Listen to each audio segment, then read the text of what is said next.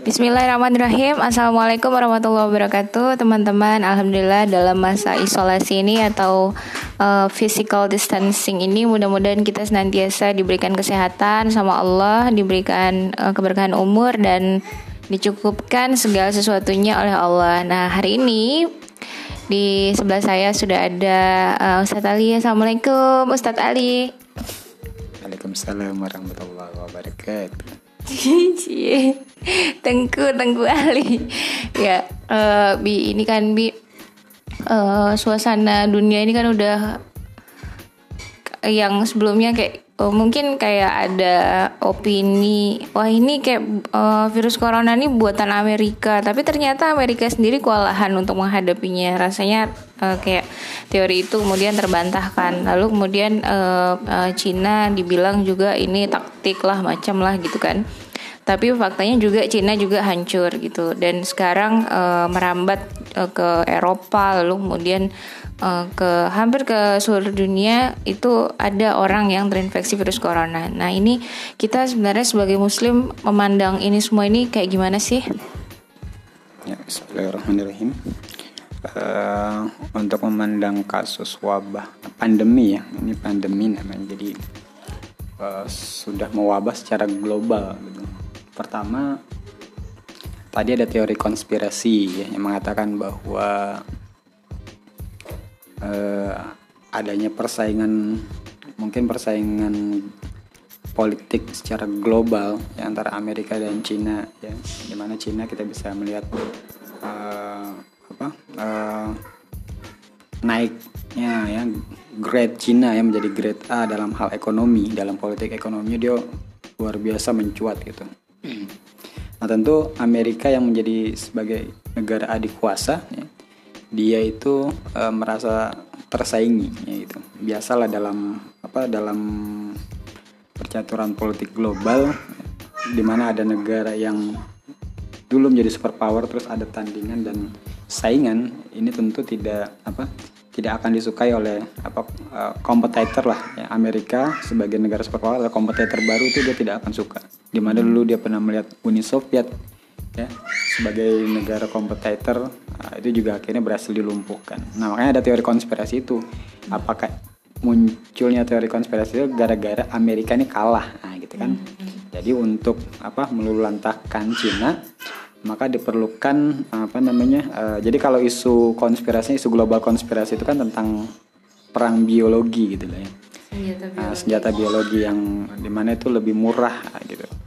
Nah itu dalam tataran konspirasi. Tapi kalau kita sebenarnya harusnya melihatnya secara politik gitu ya. Sebenarnya di mana kita bisa melihat bahwa orang-orang Cina itu sering memakan makanan yang apa yang yang haram ya hmm. jadi apa aja mereka sikat apa aja mereka makan. Rakus lah gitu ya. Seperti kalau mamanya kayak gini kayak ada orang kaya gitu kan. Kayaknya dia merasa ini gue orang kaya nih orang kaya baru lah ya. Jadi ingin melakukan hal apa saja gitu. Nah itu yang kayaknya uh, dilakukan oleh masyarakat Cina ya itu khususnya di Wuhan. Jadi wabah ini ya tampaknya memang ketetapan Allah gitu ya. Jadi kita kalau sebagai seorang muslim ya ini kodok ketetapan Allah yang sudah apa yang sudah ditetapkan oleh Allah gitu kan? Wabah. Memang kalau kita hitung per 100 tahun itu selalu ada wabah gitu ya. Jadi dulu pernah ada namanya Black Death di Eropa gitu ya. Flu burung eh flu babi, flu Spanyol hmm. ada flu babi. Itu munculnya per 100 tahun memang gitu. Per 100 tahun tuh ada selalu wabah gitu kan? Bahkan katanya flu Spanyol itu sampai 2 tahun ya benar nggak sih? Ya itu jadi, lama banget. Nanti virus corona ini bisa nyampe 2 tahun juga nggak sih? Ya Allah. Nah gitu. Jadi uh, sebentar ya. Saya meneruskan pertanyaan tadi dulu nih belum keluar. Baik baik baik Tengku Ali jadi pertama yang kita harus menang sebagai ini adalah ketetapan Allah yang harus kita sikapi dengan iman gitu ya. Hmm. ya udah betul. Nah itu yang pertama. Nah yang kedua tadi tentang wabah ini yang bisa men, apa, eh, menjadi suatu pandemi yang berlangsung cukup lama. Nah ini sebenarnya penanganan ya, penanganan yang sebenarnya dalam Islam itu kita sebagai seorang Muslim juga ada sejarah tentang wabah seperti ini gitu. misalnya di zamannya Rasulullah ya waktu Rasul itu menjadi seorang penguasa ya dia mengeluarkan apa uh, apa uh, bisyarah ya tentang ada kabar ya tentang kabar tentang wabah nah, kita dilarang untuk keluar dari wilayah dan orang yang dari luar yang aman itu dilarang untuk masuk. Nah gitu. Jadi di lock dikunci gitu. Nah itu kuncinya gitu. Kenapa? Karena wabah itu dia seperti api dia. Api kalau ketemu jerami dia membakar yang dekat gitu. Nah gitu. Jadi pernah juga terjadi wabah. Di zaman Umar bin Khattab ya di mana Umar bin Khattab lagi itu ingin melakukan kunjungan ya ke Syam. Nah, tapi di situ terdengar sebuah wabah. Nah gitu. Nah jadi pada waktu itu akhirnya Umar membatalkan gitu. Nah pada waktu membatalkan itu gubernur uh, gubernur Syam saya lupa siapa namanya Jadi dia mengatakan kepada Umar yang ingin mengatakan dia minta pendapat kepada para sahabat sahabat untuk tetap melanjutkan perjalanan atau kembali ke Madinah. Nah akhirnya Umar bin Khattab mengambil langkah untuk kembali ke Madinah. Jadi ditanya pak uh, oleh Gubernur Syam kepada Umar bin Khattab, apakah kamu menghindari takdir? Gitu kan?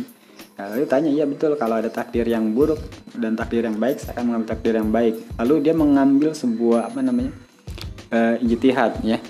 Jadi meng, meng apa, memberikan contoh dari akli yang mengatakan kalau memangnya ada dua jurang, yang satu jurang lembah eh, lembah itu gersang, lembah itu subur, maka orang yang mengambil itu adalah orang yang merupakan suatu pilihan dia. Dia mau mengambil yang mana gitu. Orang pasti akan mengambil yang subur. Nah pada waktu beliau mengatakan apa sumber tersebut secara akli lalu Musa bin Umar mengatakan iya benar. Apa yang dikatakan uh, siapa? Umar bin Khattab Khalifah Umar bin Khattab. Bahwa sesungguhnya Rasulullah pernah mengatakan jika kamu mendengar sebuah wabah suatu tempat maka engkau jangan memasuki daerah tersebut. Dan orang yang uh, di wilayah tersebut untuk jangan dilarang keluar. keluar. Nah, itu dikuatkan dengan hadis Rasul dan uh, apa dan apa uh, pendapatnya Umar bin Khattab ternyata benar gitu kan? Mengambil apa keputusan cepat gitu. Jadi siratul ber, siratul badiha mengambil keputusan yang cepat. Uh, jadi nggak lamban gitu uh, ya? tidak lamban. Nah jadi sebenarnya sekarang gitu. Uh, pandemi itu akhirnya mewabah ya. Pandemi tersebut mewabah yang akhirnya itu semua ada beberapa gubernur yang akhirnya uh, Amr bin As yang menjadi gubernur itu mengambil sebuah kebijakan untuk apa masyarakat yang ada di Syam untuk menyebar. Karena dia bilang bahwa wabah ini adalah seperti api maka dia akan membakar siapa saja yang mendekati api tersebut. Maka seluruh masyarakatnya untuk disuruh menyebar ya kan naik ke atas atas gunung. Nah gitu dia. Dan dalam waktu tiga hari wabah tersebut langsung mereda. Gitu. Nah jadi ini yang terjadi pada saat ini kesalahan dalam sistem kapitalis pada saat ini gitu kan. Atau black death ya uh, black death pada saat yang terjadinya wabah pandemi itu tidak menggunakan konsep lockdown. Nah gitu. Nah ini kita bisa melihat bagaimana uh, traffic ya, manusia dalam uh, dalam peradaban kapitalisme ini bebas keluar masuk. Nah gitu dia. Ini yang menambah parah gitu kan dan bisa menjadi menambah panjang pandemi wabah ini gitu. Harusnya negara itu secara keseluruhan di lockdown pada waktu terjadi Wuhan itu Wuhan itu Cina itu harusnya diisolasi dia ya. Secara global juga gitu kan.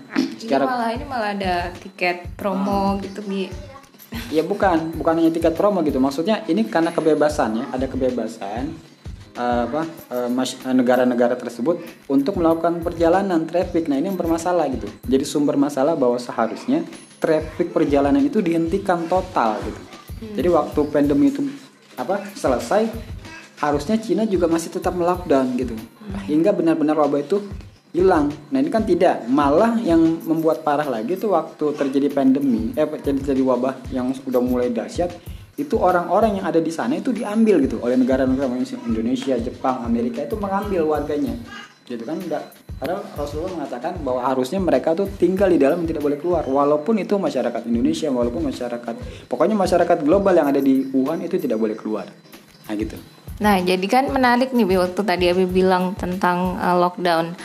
Jadi uh, kayak hari ini kan kalau kita baca berita nggak lockdown karena nanti pertimbangannya ekonomi gitu kan ya. Kalau dalam Islam ada nggak sih pertimbangan kayak gitu? Maksudnya uh, kalau negara itu kemudian menjadi miskin perekonomiannya karena kemudian dia melakukan lockdown, apakah itu kemudian nggak dilakukan gitu lockdown itu? kalau maksudnya begini, sudah pasti ya kalau sebuah pandemi itu terjadi, wabah itu terjadi, terjadinya penurunan ekonomi itu sudah pasti. Karena? Karena tidak adanya uh, roda ekonomi yang berputar itu sudah pasti gitu. Hmm. Karena apa? Karena masyarakat disuruh stagnan, disuruh berdiam diri, disuruh mengunci, mengisolasi. Nah itu itu sudah pasti dia akan mengalami kerugian. Tapi permasalahannya kalau masalah ekonomi itu bisa dibangun kembali kan seperti dia bisa membangun apa uh, ekonomi itu bisa dimajukan kembali uh, da, apa setelah pasca wabah ini selesai gitu. Hmm. Malah berbahaya kalau umpamanya ini dibiarkan gitu kan orang-orang yang produktif gitu kan orang-orang yang ter, ter, uh, produktif misalnya kayak gini pandemi ini menyebar karena tidak ada pembia karena tidak ada kebijakan yang jelas gitu. Hmm. Ini berbahaya nanti semua kena mamanya kalau mamanya kena di 250 juta ini kan karena virus ini tidak nampak gitu kan. bahkan orang sekarang ada pandemi yang eh, apa wabah ini yang di Cina itu dia bahkan tanpa gejala gitu. Tahu-tahu dia kena. Nah, maka ini harusnya diambil sebuah langkah kebijakan yang ketat udah Hmm. Pasti ada resiko kalau sebuah mengambil kebijakan itu pasti ada resiko, nggak mungkin tidak, gitu kan. Maka kita harus mengambil satu resiko, mengorbankan satu resiko ya untuk jangka pendek. Nah, gitu. Dibandingkan kita membiarkan saat ini seperti ini pandemi itu meluas itu akan menjadi yang menjadi, menjadi apa? Menjadi sebuah apa uh, wabah yang jang, jangka panjang seperti Black Death itu kan terjadi dua tahun itu. Ya, sedangkan dalam Islam dulu yang terjadi di Syam itu terjadi kekilap di zaman kekilapan Umar bin Khattab itu hanya tiga hari selesai wabah itu meredaknya. Nah ini berbahaya kalau mamanya didiamkan. Nah ini apalagi traffic manusia gitu kan dari Jakarta ke Jawa ke Sulawesi dan ini akhirnya pandemi ini menyebar dan kalau umpama ini semakin banyak dan akan semakin sulit. Kalau saya bilang ini jangka panjangnya kalau bisa maksudnya secara ekonomi ini bisa bukan hanya terperosok ya bisa sudah minus dengan hancur gitu kan. Nah, harusnya mengambil langkahnya itu jangka panjang. Dia harus bisa melihat langkah jangka panjang. Seorang politik itu ya, kalau bukan politikus yang apa namanya amatir gitu, kalau politikus amatir dia pasti akan melihat ini, wah ini kepentingan ekonomi dulu nih. Itu salah itu malah itu kebijakan yang amatir gitu kan. Apa harusnya dia melihat kebijakan amatiran gitu ya, Bi? Kebijakan Keren amatir, banget enggak, sih istilahnya. Enggak, enggak profesional dia harusnya kalau seorang politikus yang profesional dia akan melihat nih jangka panjangnya seperti apa kan kayak gitu. Ini kan masalah negara ini. Ini bukan masalah warung bukan masalah rumah tangga bukan tapi masalah sebuah negara yang dia harus melihat itu secara detail gitu kan. Kalau mau dia ini kebijakan ekonomi entar bakal hancur itu jangka pendeknya iya. Tapi kalau jangka panjangnya pandemi ini mewabah dan meluas ini maka akan menghancurkan ekonomi Indonesia. Berarti mungkin sekarang ini kita dalam kondisi darurat kesehatan, darurat ekonomi, dan darurat kepemimpinan, benar nggak? Iya, semuanya itu udah. Terus jadi solusinya apa darurat sipil? Solusinya jangan darurat sipil ter terbalik itu. ya kalau darurat sipil itu terjadi pemberontakan, terjadi perang. Hmm. Harusnya di lockdown ya. Lockdown. Uh, lockdown nanti kebutuh ya kalau di lockdown itu sudah pasti masyarakatnya tidak boleh keluar baik sakit ataupun tidak dia harus mau tidak mau ada negara kan ada di undang-undang juga gitu. Hmm. Maksudnya bukan hanya negara khilafah atau negara Islam lah yang akan menjamin penduduknya bila terjadi wabah itu kan dia akan diberikan ya kan? Uh, negara tuh menjamin kehidupan mereka tuh untuk apa? Maksudnya untuk kehidupan mereka ya kan? Uh, sampai wabah itu selesai.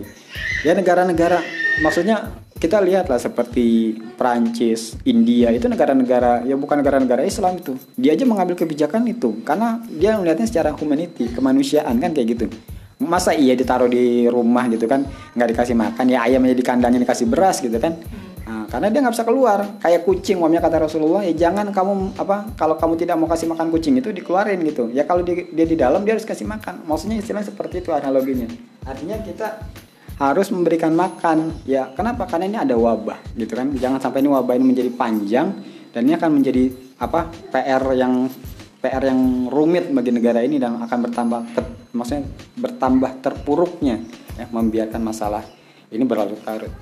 Oke berarti darurat kepemimpin kepemimpinan yang darurat banget ini emergensi banget yang memang kayaknya kalau nggak ini persoalan nggak akan selesai kecuali kalau kita uh, kembali kepada sistem Islam untuk kemudian melihat uh, solusinya secara utuh menyeluruh bukan rakyat bukan cuma dikasih makan tapi uh, diterapkan semua apa yang menjadi syariat untuk menangani wabah ini gitu ya Bi. Iya itu betul. Jadi kalau mau solusi jangka panjang berarti sistem kapitalis pada saat ini ini rusak gitu kan. Kita sudah bisa melihat kerusakannya gitu. Bagaimana mereka cara penanganan pandemi gitu ya. Dari tahun pandemi Black Death itu yang di Eropa gitu mereka tidak bisa menangani ini gitu. Nah ini yang udah canggih seperti ini gitu kan. Dia bisa mendeteksi virus gitu. Kalau dulu zaman Black Death itu terjadi korban sampai 50 juta tuh karena kebodohan mereka tidak tahu disangkanya ah ini mungkin penyakit biasa gitu. Ya di tahun 1918 kalau nggak salah ya. Itu Black Death yang memakan uh, korban 50 juta itu kan mereka tidak tahu. Tapi kalau sekarang itu sudah tahu gitu. Ternyata kapitalisme itu tidak bisa juga menghadang gitu ya. Bahkan terpuruk gitu. Sudahlah ekonominya sekarang terpuruk gitu kan. Ditambah lagi wabah seperti ini gitu.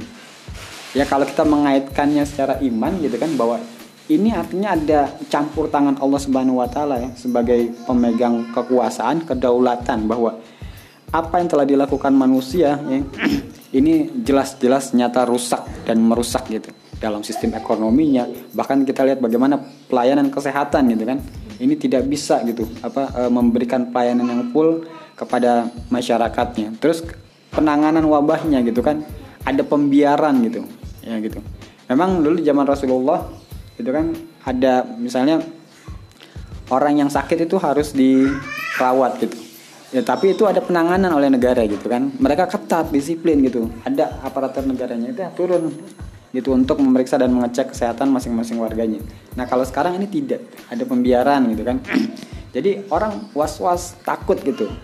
Nah, jadi yang kita perlukan adalah sebuah sistem yang baik ya, sehingga bisa menyelesaikan semua problematika yang ada pada saat ini. Oke, plus kepemimpinan yang syar'i.